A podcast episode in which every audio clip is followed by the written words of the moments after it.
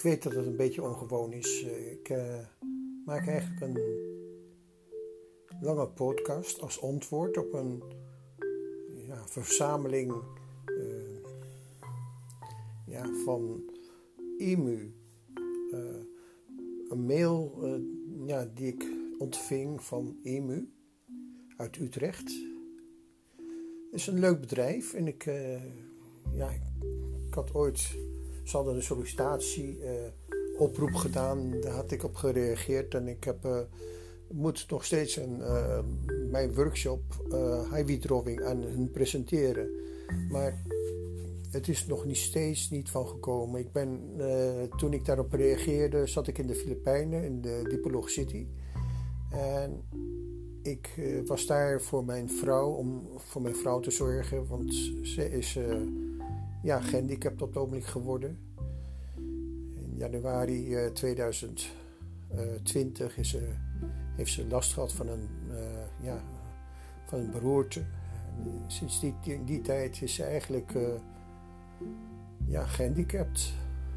En wil ik haar heel graag verzorgen. Ik ben dus ongelooflijk op zoek naar online werkzaamheden. Maar ja, ik, ik kreeg een mailtje van IMU. Uh, de twee jongens die daar uh, verantwoordelijk uh, vooral voor zijn. En ik wilde daar een klein, ja, kleine reactie op geven. Maar dat werd eigenlijk een toch wel iets breder antwoord. Ik ben inmiddels natuurlijk ook al een podcaster geworden die podcast maakt. En ik heb een podcast gemaakt, speciaal voor hun. Maar waarin ik dus ook een klein beetje uitleg van waar ik op het ogenblik mee bezig ben. En ja, eh, ik ben bezig met, eh, met recht. En het is een podcast geworden over mijn hele levenswandel.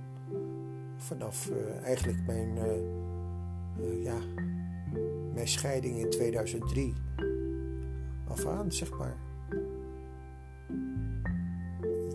Dat was niet de echte bedoeling, maar het is gewoon zo gekomen. Ik, ik, ja, omdat ik met recht aan de gang ging. En ook met ja, gevoel aan de gang ben. Uh, mijn hart. Eigenlijk de, meest uh, belangrijke elementen zijn natuurlijk je hart, je gevoel, dat geldt voor iedereen. En daar had ik ook nog ja, een, soort van uh, uitdaging voor gemaakt. Ja, of dat iets wordt, dat weet ik niet. Ik ben, ben heel veel bezig geweest met, vorige week met uitdagingen. Elke dag maakte ik wel een uitdaging en dat uh, stuurde ik dan rond in brievenbussen. Hier in de buurt van Rijswijk. Maar ja, er is helemaal niks opgekomen. Dus ik, ja, ik moet het weer een nieuwe uh, wending geven. En dan deze, deze uh, podcast. Ik hoop dat jullie het iets vinden. Beste mensen van IMU. En ik hoop dat jullie er, nog naar luisteren. Dit is wel een bijzonder ja, gegeven wat mij is overkomen. En dat gaat ook heel Nederland aan, voor mijn gevoel. We leven tenslotte in Nederland. Vandaag was voor het eerst, ja, kon je weer in de supermarkt rondlopen zonder mondkapje. En dat was eigenlijk wel een hele verademing, vond ik. Ik val tot zover even een klein introotje.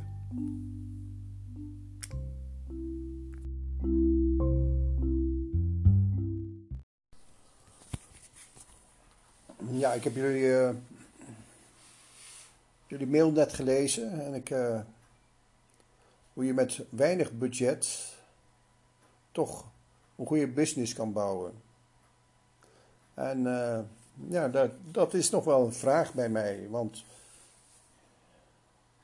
ik ben, ik, ik heb een stichting en die stichting die is eigenlijk geënt op vertrouwen, op geloof. Op geloof in, uh, in dat er iets bestaat dat werkelijk liefde voorstaat. En ik weet niet of jullie geloven in werkelijke liefde. Dat is mij nog steeds een grote vraag. Maar stel dat, je, dat die werkelijke liefde bestaat. En, en dat die werkelijk ja, invloed heeft op een leven. Ik ben er in ieder geval achter gekomen dat dat zo is. Ik, ik was iemand die ja, helemaal geloofde in kunst, in toneel, in theater, in, uh, in alle vormen van kunst. En dat ik daarmee gewoon op een hele goede weg zat. En ook in muziekopzicht. Ik, ik was gek op muziek. En ik, en ik onderzocht het allemaal heel erg diep. En to, toch kwam ik erachter dat ik helemaal afgebroken kon worden. Dat ik opeens helemaal alles kwijt was. Ja, en dat, dat is een omkeer in mijn leven geworden. En dat was het jaar 2003. 2003 kreeg ik plotseling een, een meningsverschil met mijn schoonmoeder en mijn vrouw. Maar ik noem bewust eerst een schoonmoeder, omdat daar eigenlijk de, de schoen het meeste wringend was. En ik daarmee een, een situatie oprakelde. Ja, die eigenlijk overal tegenin ging. Ik maakte iets los in, in, in mijn medemens, waardoor ze helemaal op tielt sloegen. Waardoor ze helemaal mij terzijde wilden schuiven. En dat is ook gebeurd. Ik had twee jonge kinderen, die heb ik nog steeds. Nou, niet, ze zijn niet meer jong, maar die waren toen één jaar net geworden en vier jaar. Dat was een bewuste keuze om kinderen te willen. En het was dus de, waren dus de opa en de oma van mijn kinderen. Waar ik een probleem mee kreeg. En waar ik over gesproken heb. Ik, ik wilde een situatie oplossen, maar dat, ik, het enige wat ik deed was een beerput openhalen. En een stinkende beerput ook nog eens. En dat heeft mij ja, tot mijn hart gebracht. Ik heb mij moeten keren tot mijn hart. En ik kreeg assistentie van allemaal mensen die mij goed gezind waren en die ook kunstenaar waren. En voordat ik er erg in had, had ik een internationale groep van kunstenaars van verschillende disciplines had ik om me heen. Uit verschillende landen. Wie deed er allemaal mee met mijn hartenproject? Het, het was een, ja, een zigeuner van de Tata Mirando's, een violiste, violist bedoel ik, die eigenlijk de primas was van een hele bekende zigeunergroep, de Tata Mirando's, ja. Ik wist dat hij in zijn vrije tijd altijd harten schilderde. En dat vond ik, ja, vond ik wel leuk voor een hartproject. Een ander iemand was een goede vriendin van mij, die kwam oorspronkelijk uit, uit uh, Frankrijk. Die schilderde dus een Frans hart. Die was weer goed bevriend met een uh, vrouw uit Griekenland. En het Griekse hart deed ook mee. En een andere vriendin die ik nog kende uit Amsterdam. En die kunstenares was. Die wilde ook graag meedoen. En die had zelfs, ja, ooit een scheiding meegemaakt. En toen was ook zich gaan richten op het hart. En heeft ze een harten hartenkast gemaakt en harten tasjes gemaakt. Van alles met harten gedaan. Dus ze heeft haar ook toen willen richten op het hart. En ik wilde haar er ook bij hebben natuurlijk. Eigenlijk benader ik allemaal mensen met het hart. En daar zaten dus ook nog een paar Zwitserse uh, kunstenaars, een echtpaard bij. Die hadden zelfs uh, een, een, verhaal over uh, ja, het eten van hartjes. En ook een lekkernij, een soort kippenharten geloof ik. Ik weet niet meer precies wat voor harten het waren, maar het was een delicatesse. En dat vond ik heel leuk. En ze had ook een kus met harten. En ook haar man, die was ook bezig geweest met harten. Die tekende heel veel met harten. Eigenlijk een heel rijk beeld met allemaal harten. En ik had een krant ervan uitgegeven, een echte hartenkrant. De eerste hartenkrant gaf ik uit. En die ben ik toen naar twee oud-docenten gaan brengen. Ja, en dat bracht mij eigenlijk tot een weg die ik ben gegaan in mijn leven. Het, het, na een, na een oud-docent gaan, die ergens in Deventer woonde. En ik gaf haar de hartenkrant van al die kunstenaars. En ja, ze was, uh, ze was er blij mee. Ze wilde ook echt ervoor betalen, voor die hartenkrant. Maar het wonderlijke was dat, dat zij op dat moment juist aan het werk was in de zogeheten hartenkapel. Hartenkapel? Die vrouw die, die had normaal gesproken nooit iets met geloof en dan op een gegeven moment de hartenkapel. Ik wist niet wat ik hoorde. Maar oké, hartenkapel, ja, ik vond het wel leuk. Je had dus een kapel en uh, haar vader had daar gewerkt, uh, had allemaal ja, zieke uh, mensen bezocht en daar ging ze troostende verhalen aan, aan vertellen vanuit de Bijbel. En dat deed zij toen ook. Ze was professor officieel en zij kon dat heel erg goed. Blijkbaar. En ze vond het ook heel erg leuk om te doen. Het oude beroep van haar vader heeft ze toen overgenomen. En ze is mensen gaan beantwoorden met ja, de oude Bijbelverhalen. Ik, eh, ik vond dat heel bijzonder om dat te ervaren.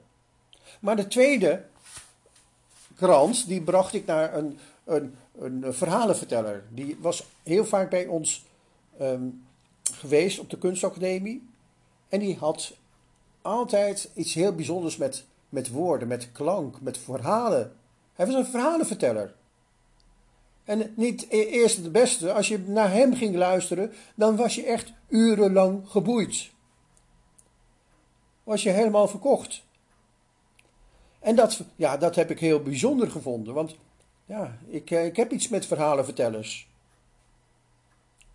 En ik ben naar hem toegegaan, ik heb hem een krant gegeven. Ik kreeg er eh, gelijk twee kranten voor terug, die hij ooit had uitgegeven. Collect items noemde hij ze. Nou, dat is die krant van mij intussen ook geworden, een collect item. Maar hij, hij vertelde mij nog meer. Hij vertelde mij dat hij ooit niet meer gelukkig was in Nederland. En dat hij het land was ontvlucht. Hij was het land, Nederland, ontvlucht.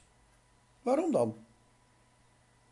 Hij, er ontbrak iets in Nederland. Hij wist het niet wat. En hij ging gewoon zijn geluk zoeken in Amerika. Nou zijn er gewoon veel meer mensen die dat gedaan hebben. En uh, hij was er ook, dus ook eentje van. En in Amerika, toen heeft hij in contact, uh, is hij in contact gekomen met een Amerikaanse advocaat.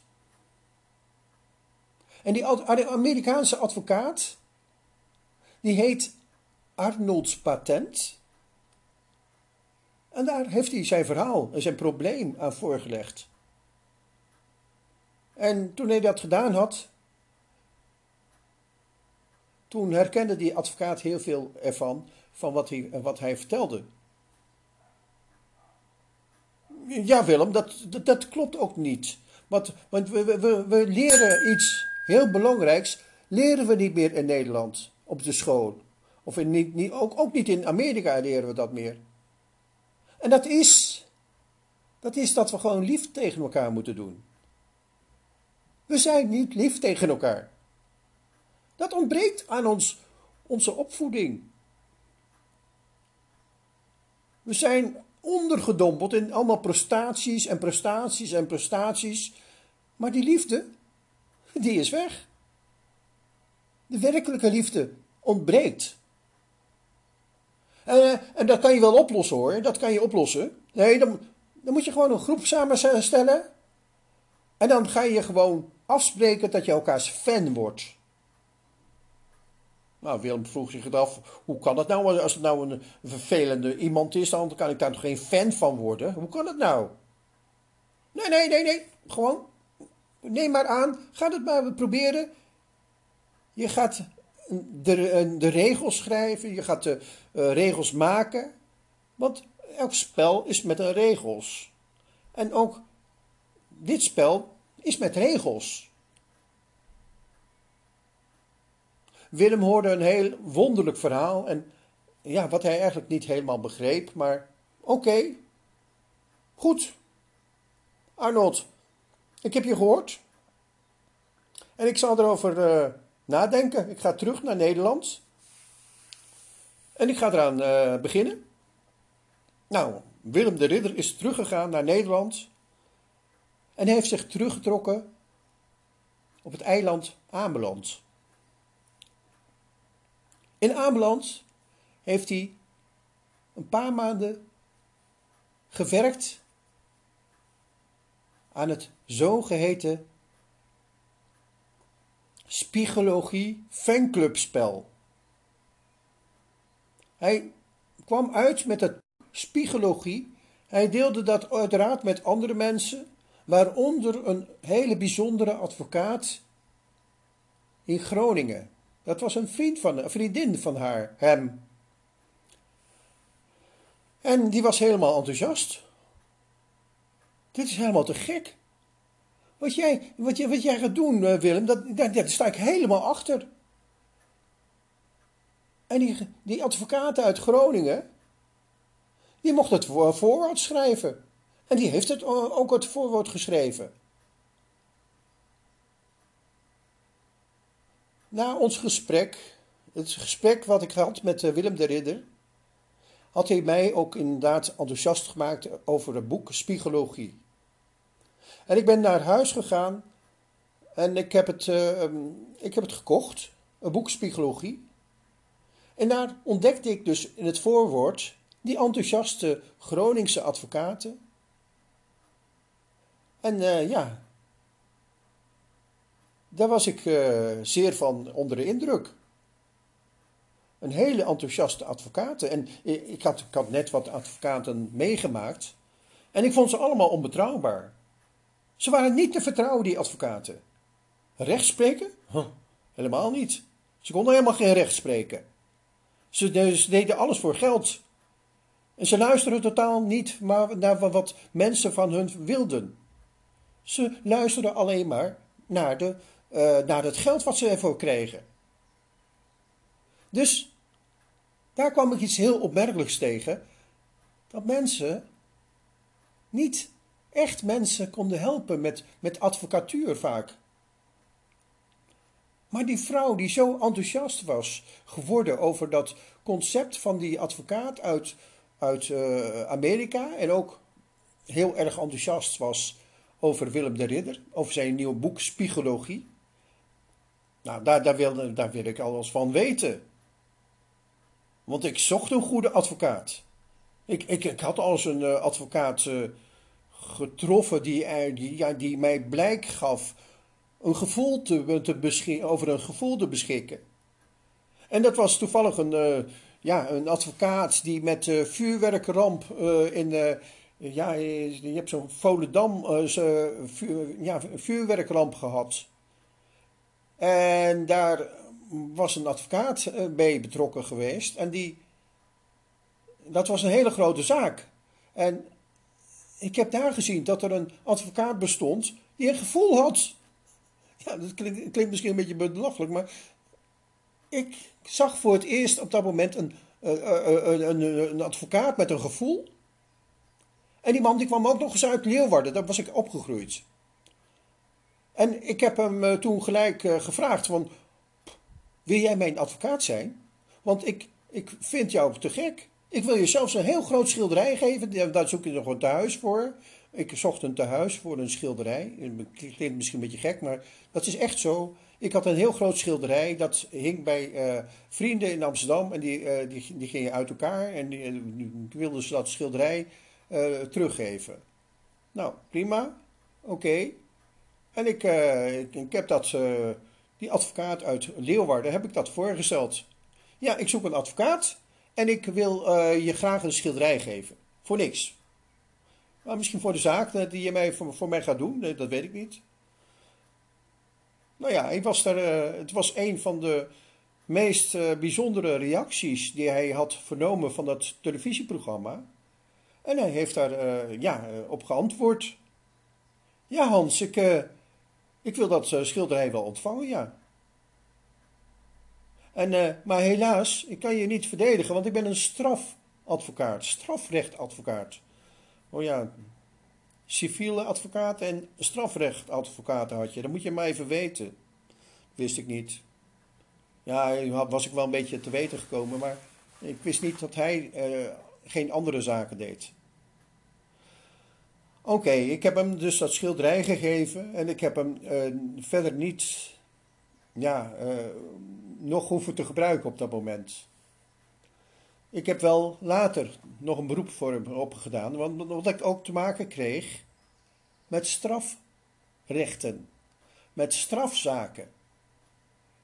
De ruzie was zo hoog opgelopen dat er eigenlijk grote fantasieverhalen ontstonden, waardoor ik zelfs opgeroepen werd door de politie.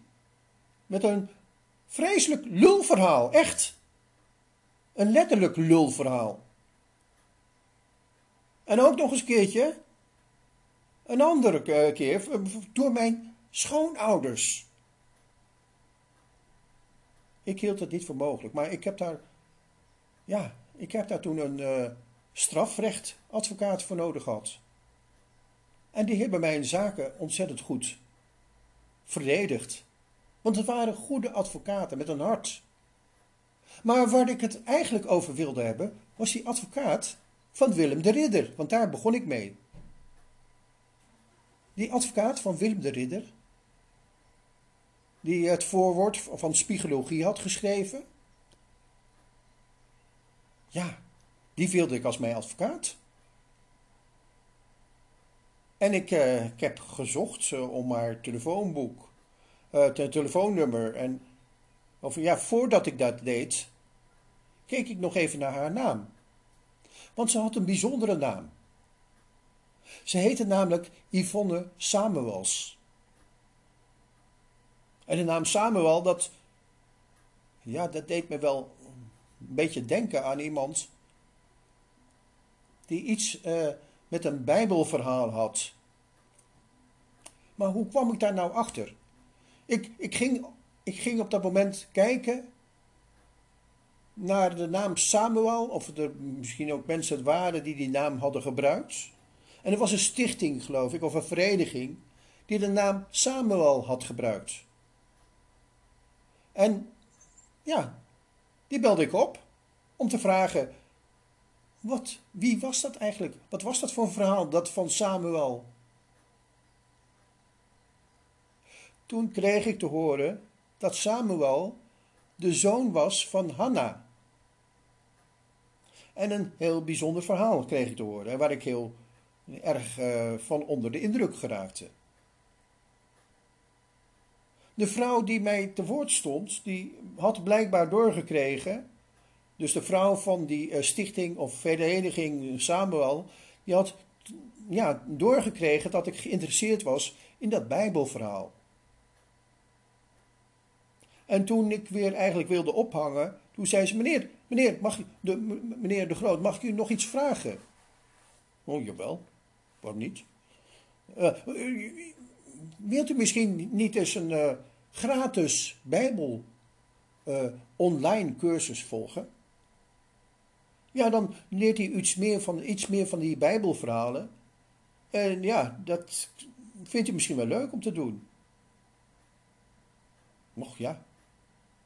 Ik, uh, ik had er nooit zo bij nagedacht. Ik had eigenlijk niet zoveel met die Bijbel. Maar toen dat zo aangeboden werd, toen dacht ik van nou ja, waarom, waarom eigenlijk ook niet?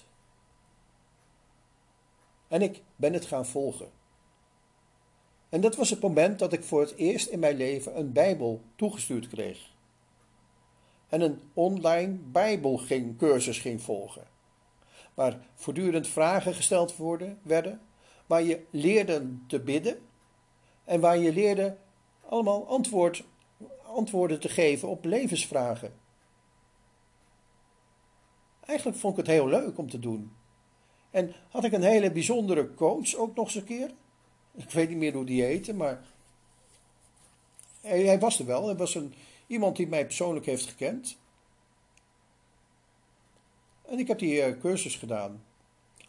Ik heb het verhaal vernomen van, uh, ja, van Samuel en van Hanna. En wat wil het toeval dat, dat ik vrij kort daarna krijg ik een berichtje aan de, vanuit de andere kant van de wereld van een vrouw met de naam Hanna. Het was op eerste kerstdag. Ik had, ik had eigenlijk, die hele dag had ik willen werken. Ik gaf helemaal niks om dat kerst gebeuren. Raar feest, dat kerstfeest en een paasfeest. En, uh, ik had daar helemaal niks mee. Voor uh, niet-gelovigen dat, zijn dat altijd hele belangrijke feesten, omdat ze dat uh, eigenlijk een soort strohalm hebben om ergens in toch een klein beetje te willen geloven, kwam ik later pas achter. Maar eigenlijk sloeg het helemaal driemaal nergens op. Al die feesten, kerstfeest, paasfeest, pinksteren, ik heb er nog steeds helemaal niks mee.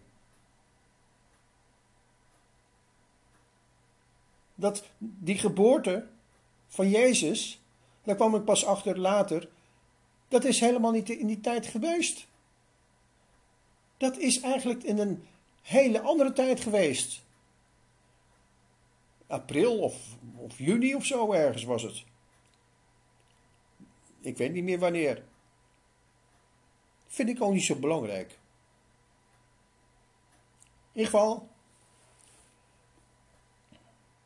Ik, uh, ik heb niks met die kerk zoals die uh, voorgeschoteld waren.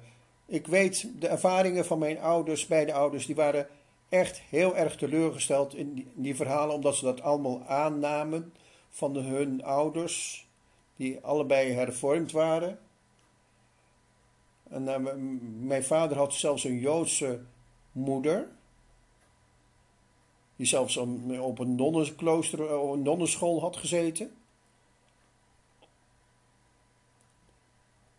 Allemaal best wel hele gelovige mensen. En toen kwam ik dus opeens in contact met, met een advocaat die, die, uh, van Willem de Ridder, die helemaal fan van psychologie was.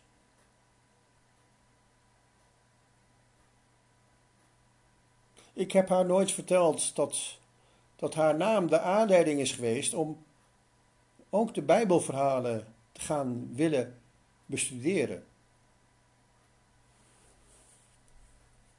Maar ik werd bevriend met die advocaat uit Groningen, Yvonne Samuels. Maar niet alleen haar, ook andere mensen uit de kunstwereld wilde ik betrekken in mijn. In, uh, ja, wilde ik vragen over Bijbelverhalen. En ik kreeg vanuit Heilo kreeg ik een suggestie van. Uh, ja, er was zo'n poppenspeler. Die, uh, een bekende acteur van Nederland. Die, die was ook opeens helemaal. ja, met het, geloof, met het geloofsverhalen aan de gang gegaan. Misschien tot ik daar eens naartoe kon gaan.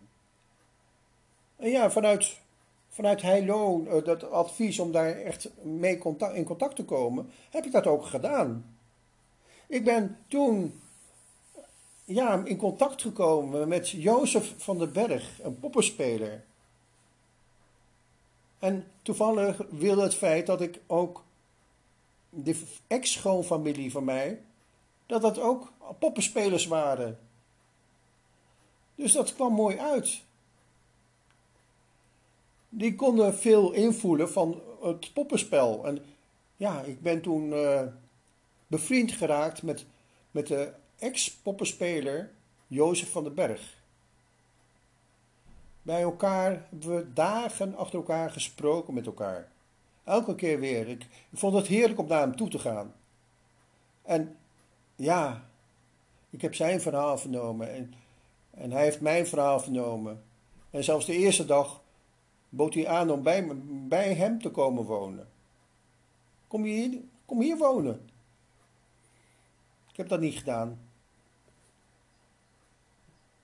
En uh, ja, hoe vreemd alles kan verlopen. Ik, ik werkte toen in de gezondheidszorg, in, uh, voornamelijk in de gezondheidszorg en bij, uh, in kinderthuizen en bij, via Randstad, het uitzendbureau Randstad, was ik in de gehandicaptenzorg terechtgekomen.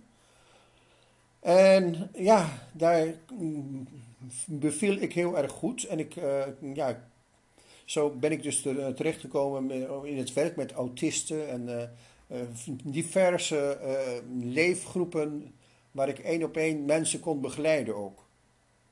Dat vond ik leuk om te doen. En ik deed dat blijkbaar ook goed. Ik, ze, wilden me, ja, ze wilden mij erg graag in vaste dienst hebben. En dat is ook uiteindelijk gebeurd.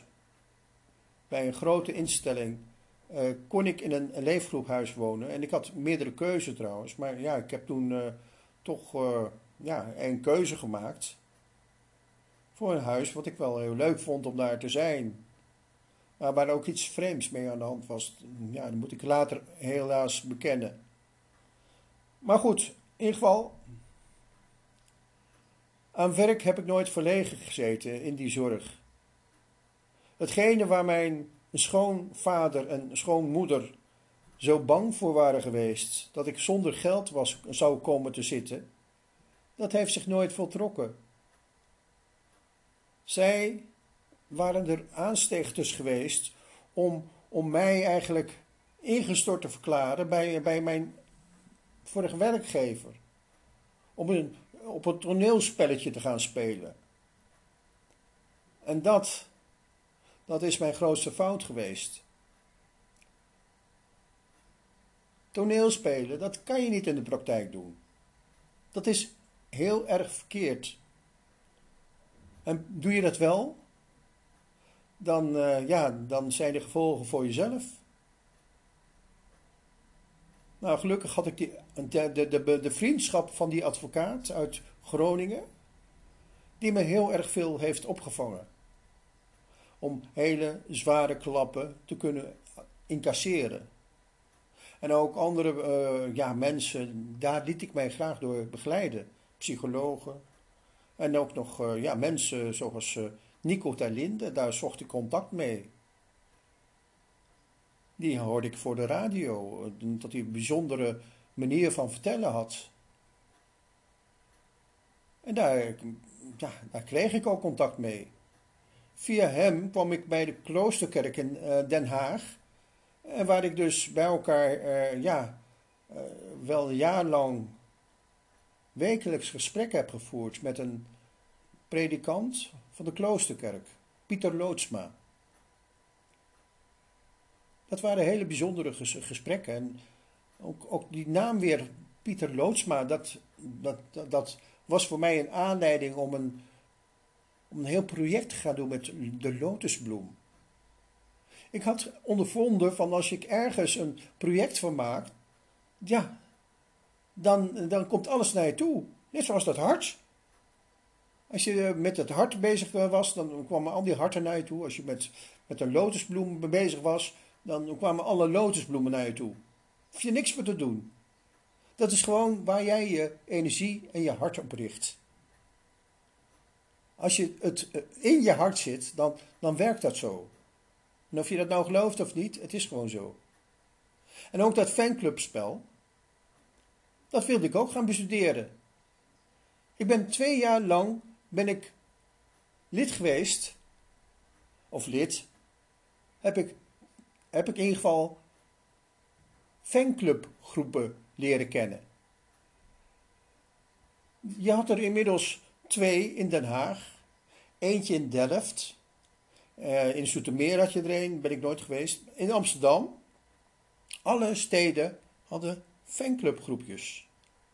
Er waren honderden fanclubgroepjes gekomen na het uitkomen van het boek Psychologie. In het boek Psychologie stond de hele, hele uh, instructie van hoe je dat spel moest spelen. En dat, uh, ja, het is een heel wonderlijk spel. Het eerste uh, keer dat ik het meemaakte was bij het Rijswijkse plein. Bij een vrouw die een beetje mystiek was, maar oké. Die, heeft, die had dus haar boot, ze woonde op een woonboot. En die had ze beschikbaar gesteld om dat spel te gaan spelen. En ik was zeer onder indruk. En ik leerde allemaal bijzondere mensen kennen. Onder andere ja, iemand die een eigen poppenkraam had. Ja, daar had je weer zoiets toevalligs. Ik had iets met poppen en nou, ik maakte iemand mee die eh, poppen restaureerde in, eh, in Den Haag. En uh, ja, daar, daar ben ik, werd ik ook bevriend mee. Met die eh, vrouw. En zo leerde ik allemaal mensen kennen in een, ja, in een korte tijd. Die allemaal lid waren van die, uh, van die, vriend, uh, ja, die. Maar ja, mijn andere leven ging ook door. Mijn studie van verhalen van de Bijbel ging ook door. En ik kwam dus, wat ik al eerder zei, in aanraking met iemand in de Filipijnen in 2000, 2005. En daar ben ik toen uiteindelijk mee in contact gekomen en hebben we ook heel veel over de Bijbel gesproken, over Bijbelverhalen. En nou wilde het feit dat, dat er een groep bestond die zich eigenlijk een beetje afzijdig keerde van, van al die uh, kerken die kerkgebouwen waar mijn, mijn ouders, beide ouders, echt van, ja, van over hun nek gingen. En die, uh, die dus helemaal niet zozeer met een kerk verbonden waren, maar uh, een kerk, kerk als gebouw bedoel ik, maar meer zich aan het richten waren op, op die werkelijke liefde van Jezus Christus. Wat, wat als het meest voorname punt stond. Nou, dat, dat heb ik dus ja, tot mij willen nemen. En het bleek ook nog dat ze hele mooie muziek hadden. Toen ik in 2006 voor het eerst naar de Filipijnen ging in mijn leven, ik had nog nooit zo'n grote reis gemaakt. Toen leerde ik een vrouw kennen waar ik gelijk verliefd op werd. Of daar was ik al verliefd op, maar het klikte gewoon heel erg goed. En daarbij leerde ik vele kunstenaars kennen in de, in de Filipijnen. Mensen die, die betrokken waren bij mijn idee om ook via de kunst je te kunnen uitdrukken. En in 2006, toen ik terugkwam, heb ik een stichting opgericht. En die stichting die kreeg de naam Stichting Bando. Het was na mijn eerste verblijf in de Filipijnen dat ik de stichting Bando heb opgericht. Officieel samen met mijn vrouw, die later mijn vrouw werd. Toen nog mijn vriendin. In uh, september 2007 zijn we met elkaar getrouwd. 9 september 2007.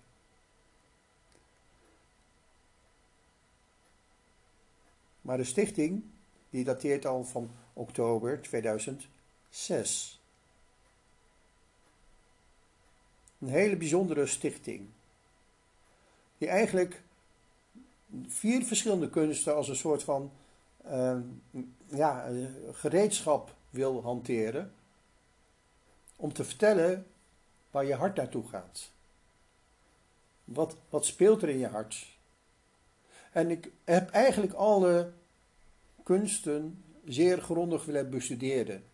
Ik heb na het ontstaan van de eerste hartkrant heb ik diverse mensen die aan de top stonden van, de, van hun kunst, heb ik willen interviewen.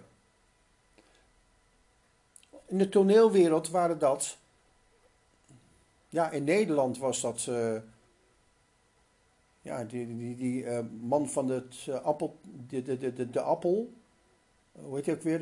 Erik Vos, ja. Daar was ik al eerder op af, afgekomen. Maar die had ik nooit te spreken kunnen krijgen, omdat hij toen ik hem benaderde de eerste keer, en eigenlijk al heel veel, 15 jaar daarvoor, toen had, had hij had hij een, ehm, was hij bezig met een project in Israël. En was hij speciaal naar Israël voor vooronderzoek gegaan. Dat bleek later het vooronderzoek voor Sobos Ghetto te zijn. Een, een, fantastische voorstelling die ik ook gezien heb. Maar ja, dat, dat is dus, was Erik Vos. Ik heb allerlei informatie van Erik Vos toen verzameld. En ja, ik was onder de indruk. Maar de andere iemand die ik dus toen uh, wilde interviewen, was ja, het grootste voorbeeld voor, voor, voor, voor mij in, in, ja, in Europa misschien, of in, in, Nederland en België in ieder geval. Dat was Dirk Tange. Dirk Tange heb ik ook geïnterviewd in Utrecht. Hij was van de paardenkathedraal. Nou, daar had ik dus al een paar topmensen te pakken. Dirk Tange, ik had uh, ja, en, ik had natuurlijk Erik Vos. En die kenden elkaar, elkaar ook. En ja, van Erik Vos, ja, van ik dan ook nog, ja, of van Dirk Tange, die zei van, ja, dan moet je ook nog die man uit Amsterdam, hoe heet hij ook weer, die van toneelgroep Amsterdam, die moet je ook nog te spreken krijgen. Die man die uit Delft komt, ik ben zijn, naam even vergeten, maar hij, hij was de, de grote man in Delft, zeg maar. Of in Amsterdam ook. doet er ook niet hoor. Ik, ik heb hem op een gegeven moment ook benaderd.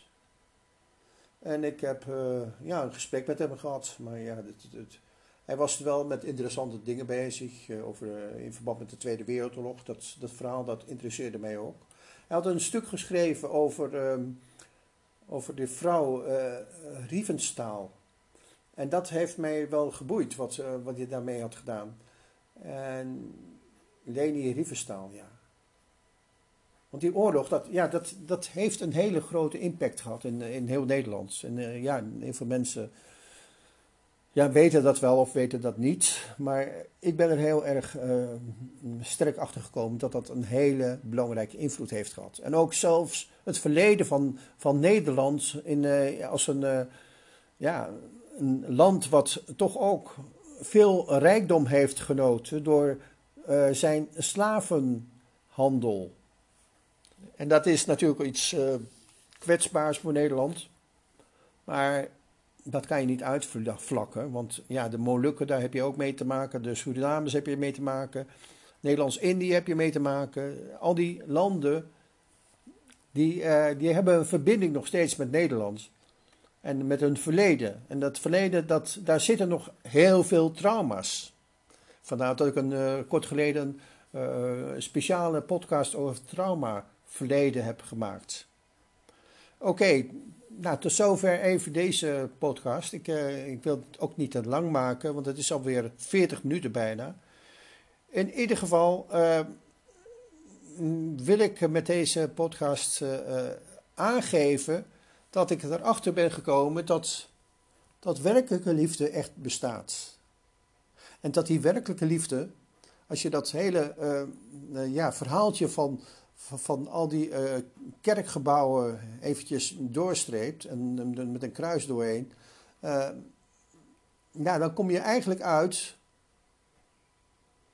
op een kerk die zich richt ja, eh, op de gemeenschap, gemeenteleven, het gemeenteleven van dat dikwijls in de Bijbel beschreven staat. En als je het op die manier leest, dan lees je het heel anders. En het vreemde is dat uh, ja, dat gemeenteleven waar ik dan uh, ja, mee, mee, bij ben gaan horen, zeg maar, die heeft een getuigenis van twee Chinezen. de ene Chinees is Watchman Nee een man die eigenlijk zeer geraakt werd door dat christendom vanuit China. En ook, ook die andere, de man, die Witness Lee, ja, die datzelfde heeft gehad. Ze konden eigenlijk beide niet in China blijven. Dat is net zo eigenlijk met, bij Chich Tang geweest, die, die, die op een gegeven moment ergens achterkwam uh, ja, wat zijn land niet wilde accepteren. En die mocht niet meer terug naar zijn Vietnam, naar de Vietnamoorlog. En die, uh, ja, die, is toen naar Frankrijk gevlucht. Maar zo is, uh, ja, Botsmani is in de gevangenis terechtgekomen in China. Hij heeft eigenlijk tot zijn dood in de gevangenis gezeten. En Witness Lee is, heeft kunnen ontsnappen. Die heeft kunnen, uh, uiteindelijk heeft hij een uh, groot opleidingscentrum uh, kunnen realiseren in, in Anaheim in Amerika, vlakbij Los Angeles. En ja, dat is een wereldwijd studiecentrum geworden van, ja, van, van, een, ja, van bijbelverhalen. Met ook heel veel mensen die daar ja, toch een ander verhaal kregen met dan, dat verhaal uh, wat de Rooms-Katholieke Kerk verkoopt natuurlijk. Dat is, dat is een verhaal wat er eigenlijk lijnrecht tegen, tegenin gaat. Dit, een kerk wat zich helemaal niks wil aantrekken van, van, die, van die geldzucht. Want die geldzucht van de Rooms-Katholieke Kerk, ja, dat heeft geleid tot, tot wapenhandel en de meest vreselijke dingen waar ik al lang was achtergekomen. Er zijn schandalige dingen gebeurd. Zoals eh, moeder Teresa. Dat, dat bleek één grote leugen te zijn. Van dat die vrouw eigenlijk werkelijk zo betrokken was met, met, met echte goede dingen. Ze was ook een handelvrouw. En ja, zo kan je wel doorgaan. Al die heilige mensen hier in Nederland, uh, zogenaamde uitvinder van het Sinterklaasfeest. Ook zoiets belachelijks. Jan Schenkman, een onderwijzer die, die een groot gevoel voor humor had. Alle mensen die daarin gaan geloven, ja, die geloven echt in sprookjes. Of in sprookjes die een totale onzin verkopen. Dus dat, daar kan je niet in geloven. Dat, dat heeft geen enkele houvast. Dus mensen die dat, dat hele Sinterklaasfeest willen, uh, ja, met, met, met heel veel kracht en energie overeind willen houden. Laat ze er alsjeblieft mee ophouden. Kappen ermee. Dat is één groot commercieel uh, gebeuren geworden. En uh, dat heeft niks met heiligheid te maken. Zeker niet. Het is een uh, satansbeweging geworden bijna. Zo wil ik het zelfs omschrijven. Ik, ik, ik, ik, ik heb daar veel liefde voor gehad voor dat feest in mijn eigen jeugd. Maar ik ben daar helemaal op teruggekomen. Ik ben er eigenlijk heel erg van geschrokken van toen ik erachter kwam. Tot, tot, tot, tot, hoe zij eigenlijk ja, dingen commercieel maken. Dat, dat, dat, daar word je niet goed van. Oké, nou, tot zover deze podcast. Ik hoop dat je, eh, het is nu vandaag dus, uh, ja, ik geloof 26 uh, eh, juni 2021. Nou, het is bijna de verjaardag van mijn vader, die zou jarig geweest zijn eind juni. Ik dacht 28 of 29 juni, ik weet het niet meer zeker. Oké, ik ga het nog eventjes nakijken. Wacht even hoor. Ja, mijn, uh, mijn vader is uit het jaar uh, eh, 1930. En dat was 28 uh, eh, juni. Dat is dus overmorgen. En dan gaat daar een feest van Joy. Leuk. Of dan toch, toch, toch iets feestelijks ga doen op de verjaardag van mijn vader, die eigenlijk op dat moment 91 zou zijn geworden. Ja, een bijzonder gegeven. Oké, tot zover deze podcast. Ik hoop uh, dat het iets uh, duidelijk voor je maakt. Ik doe mijn best en ik, uh, ja, ik hoop het van harte. Dag.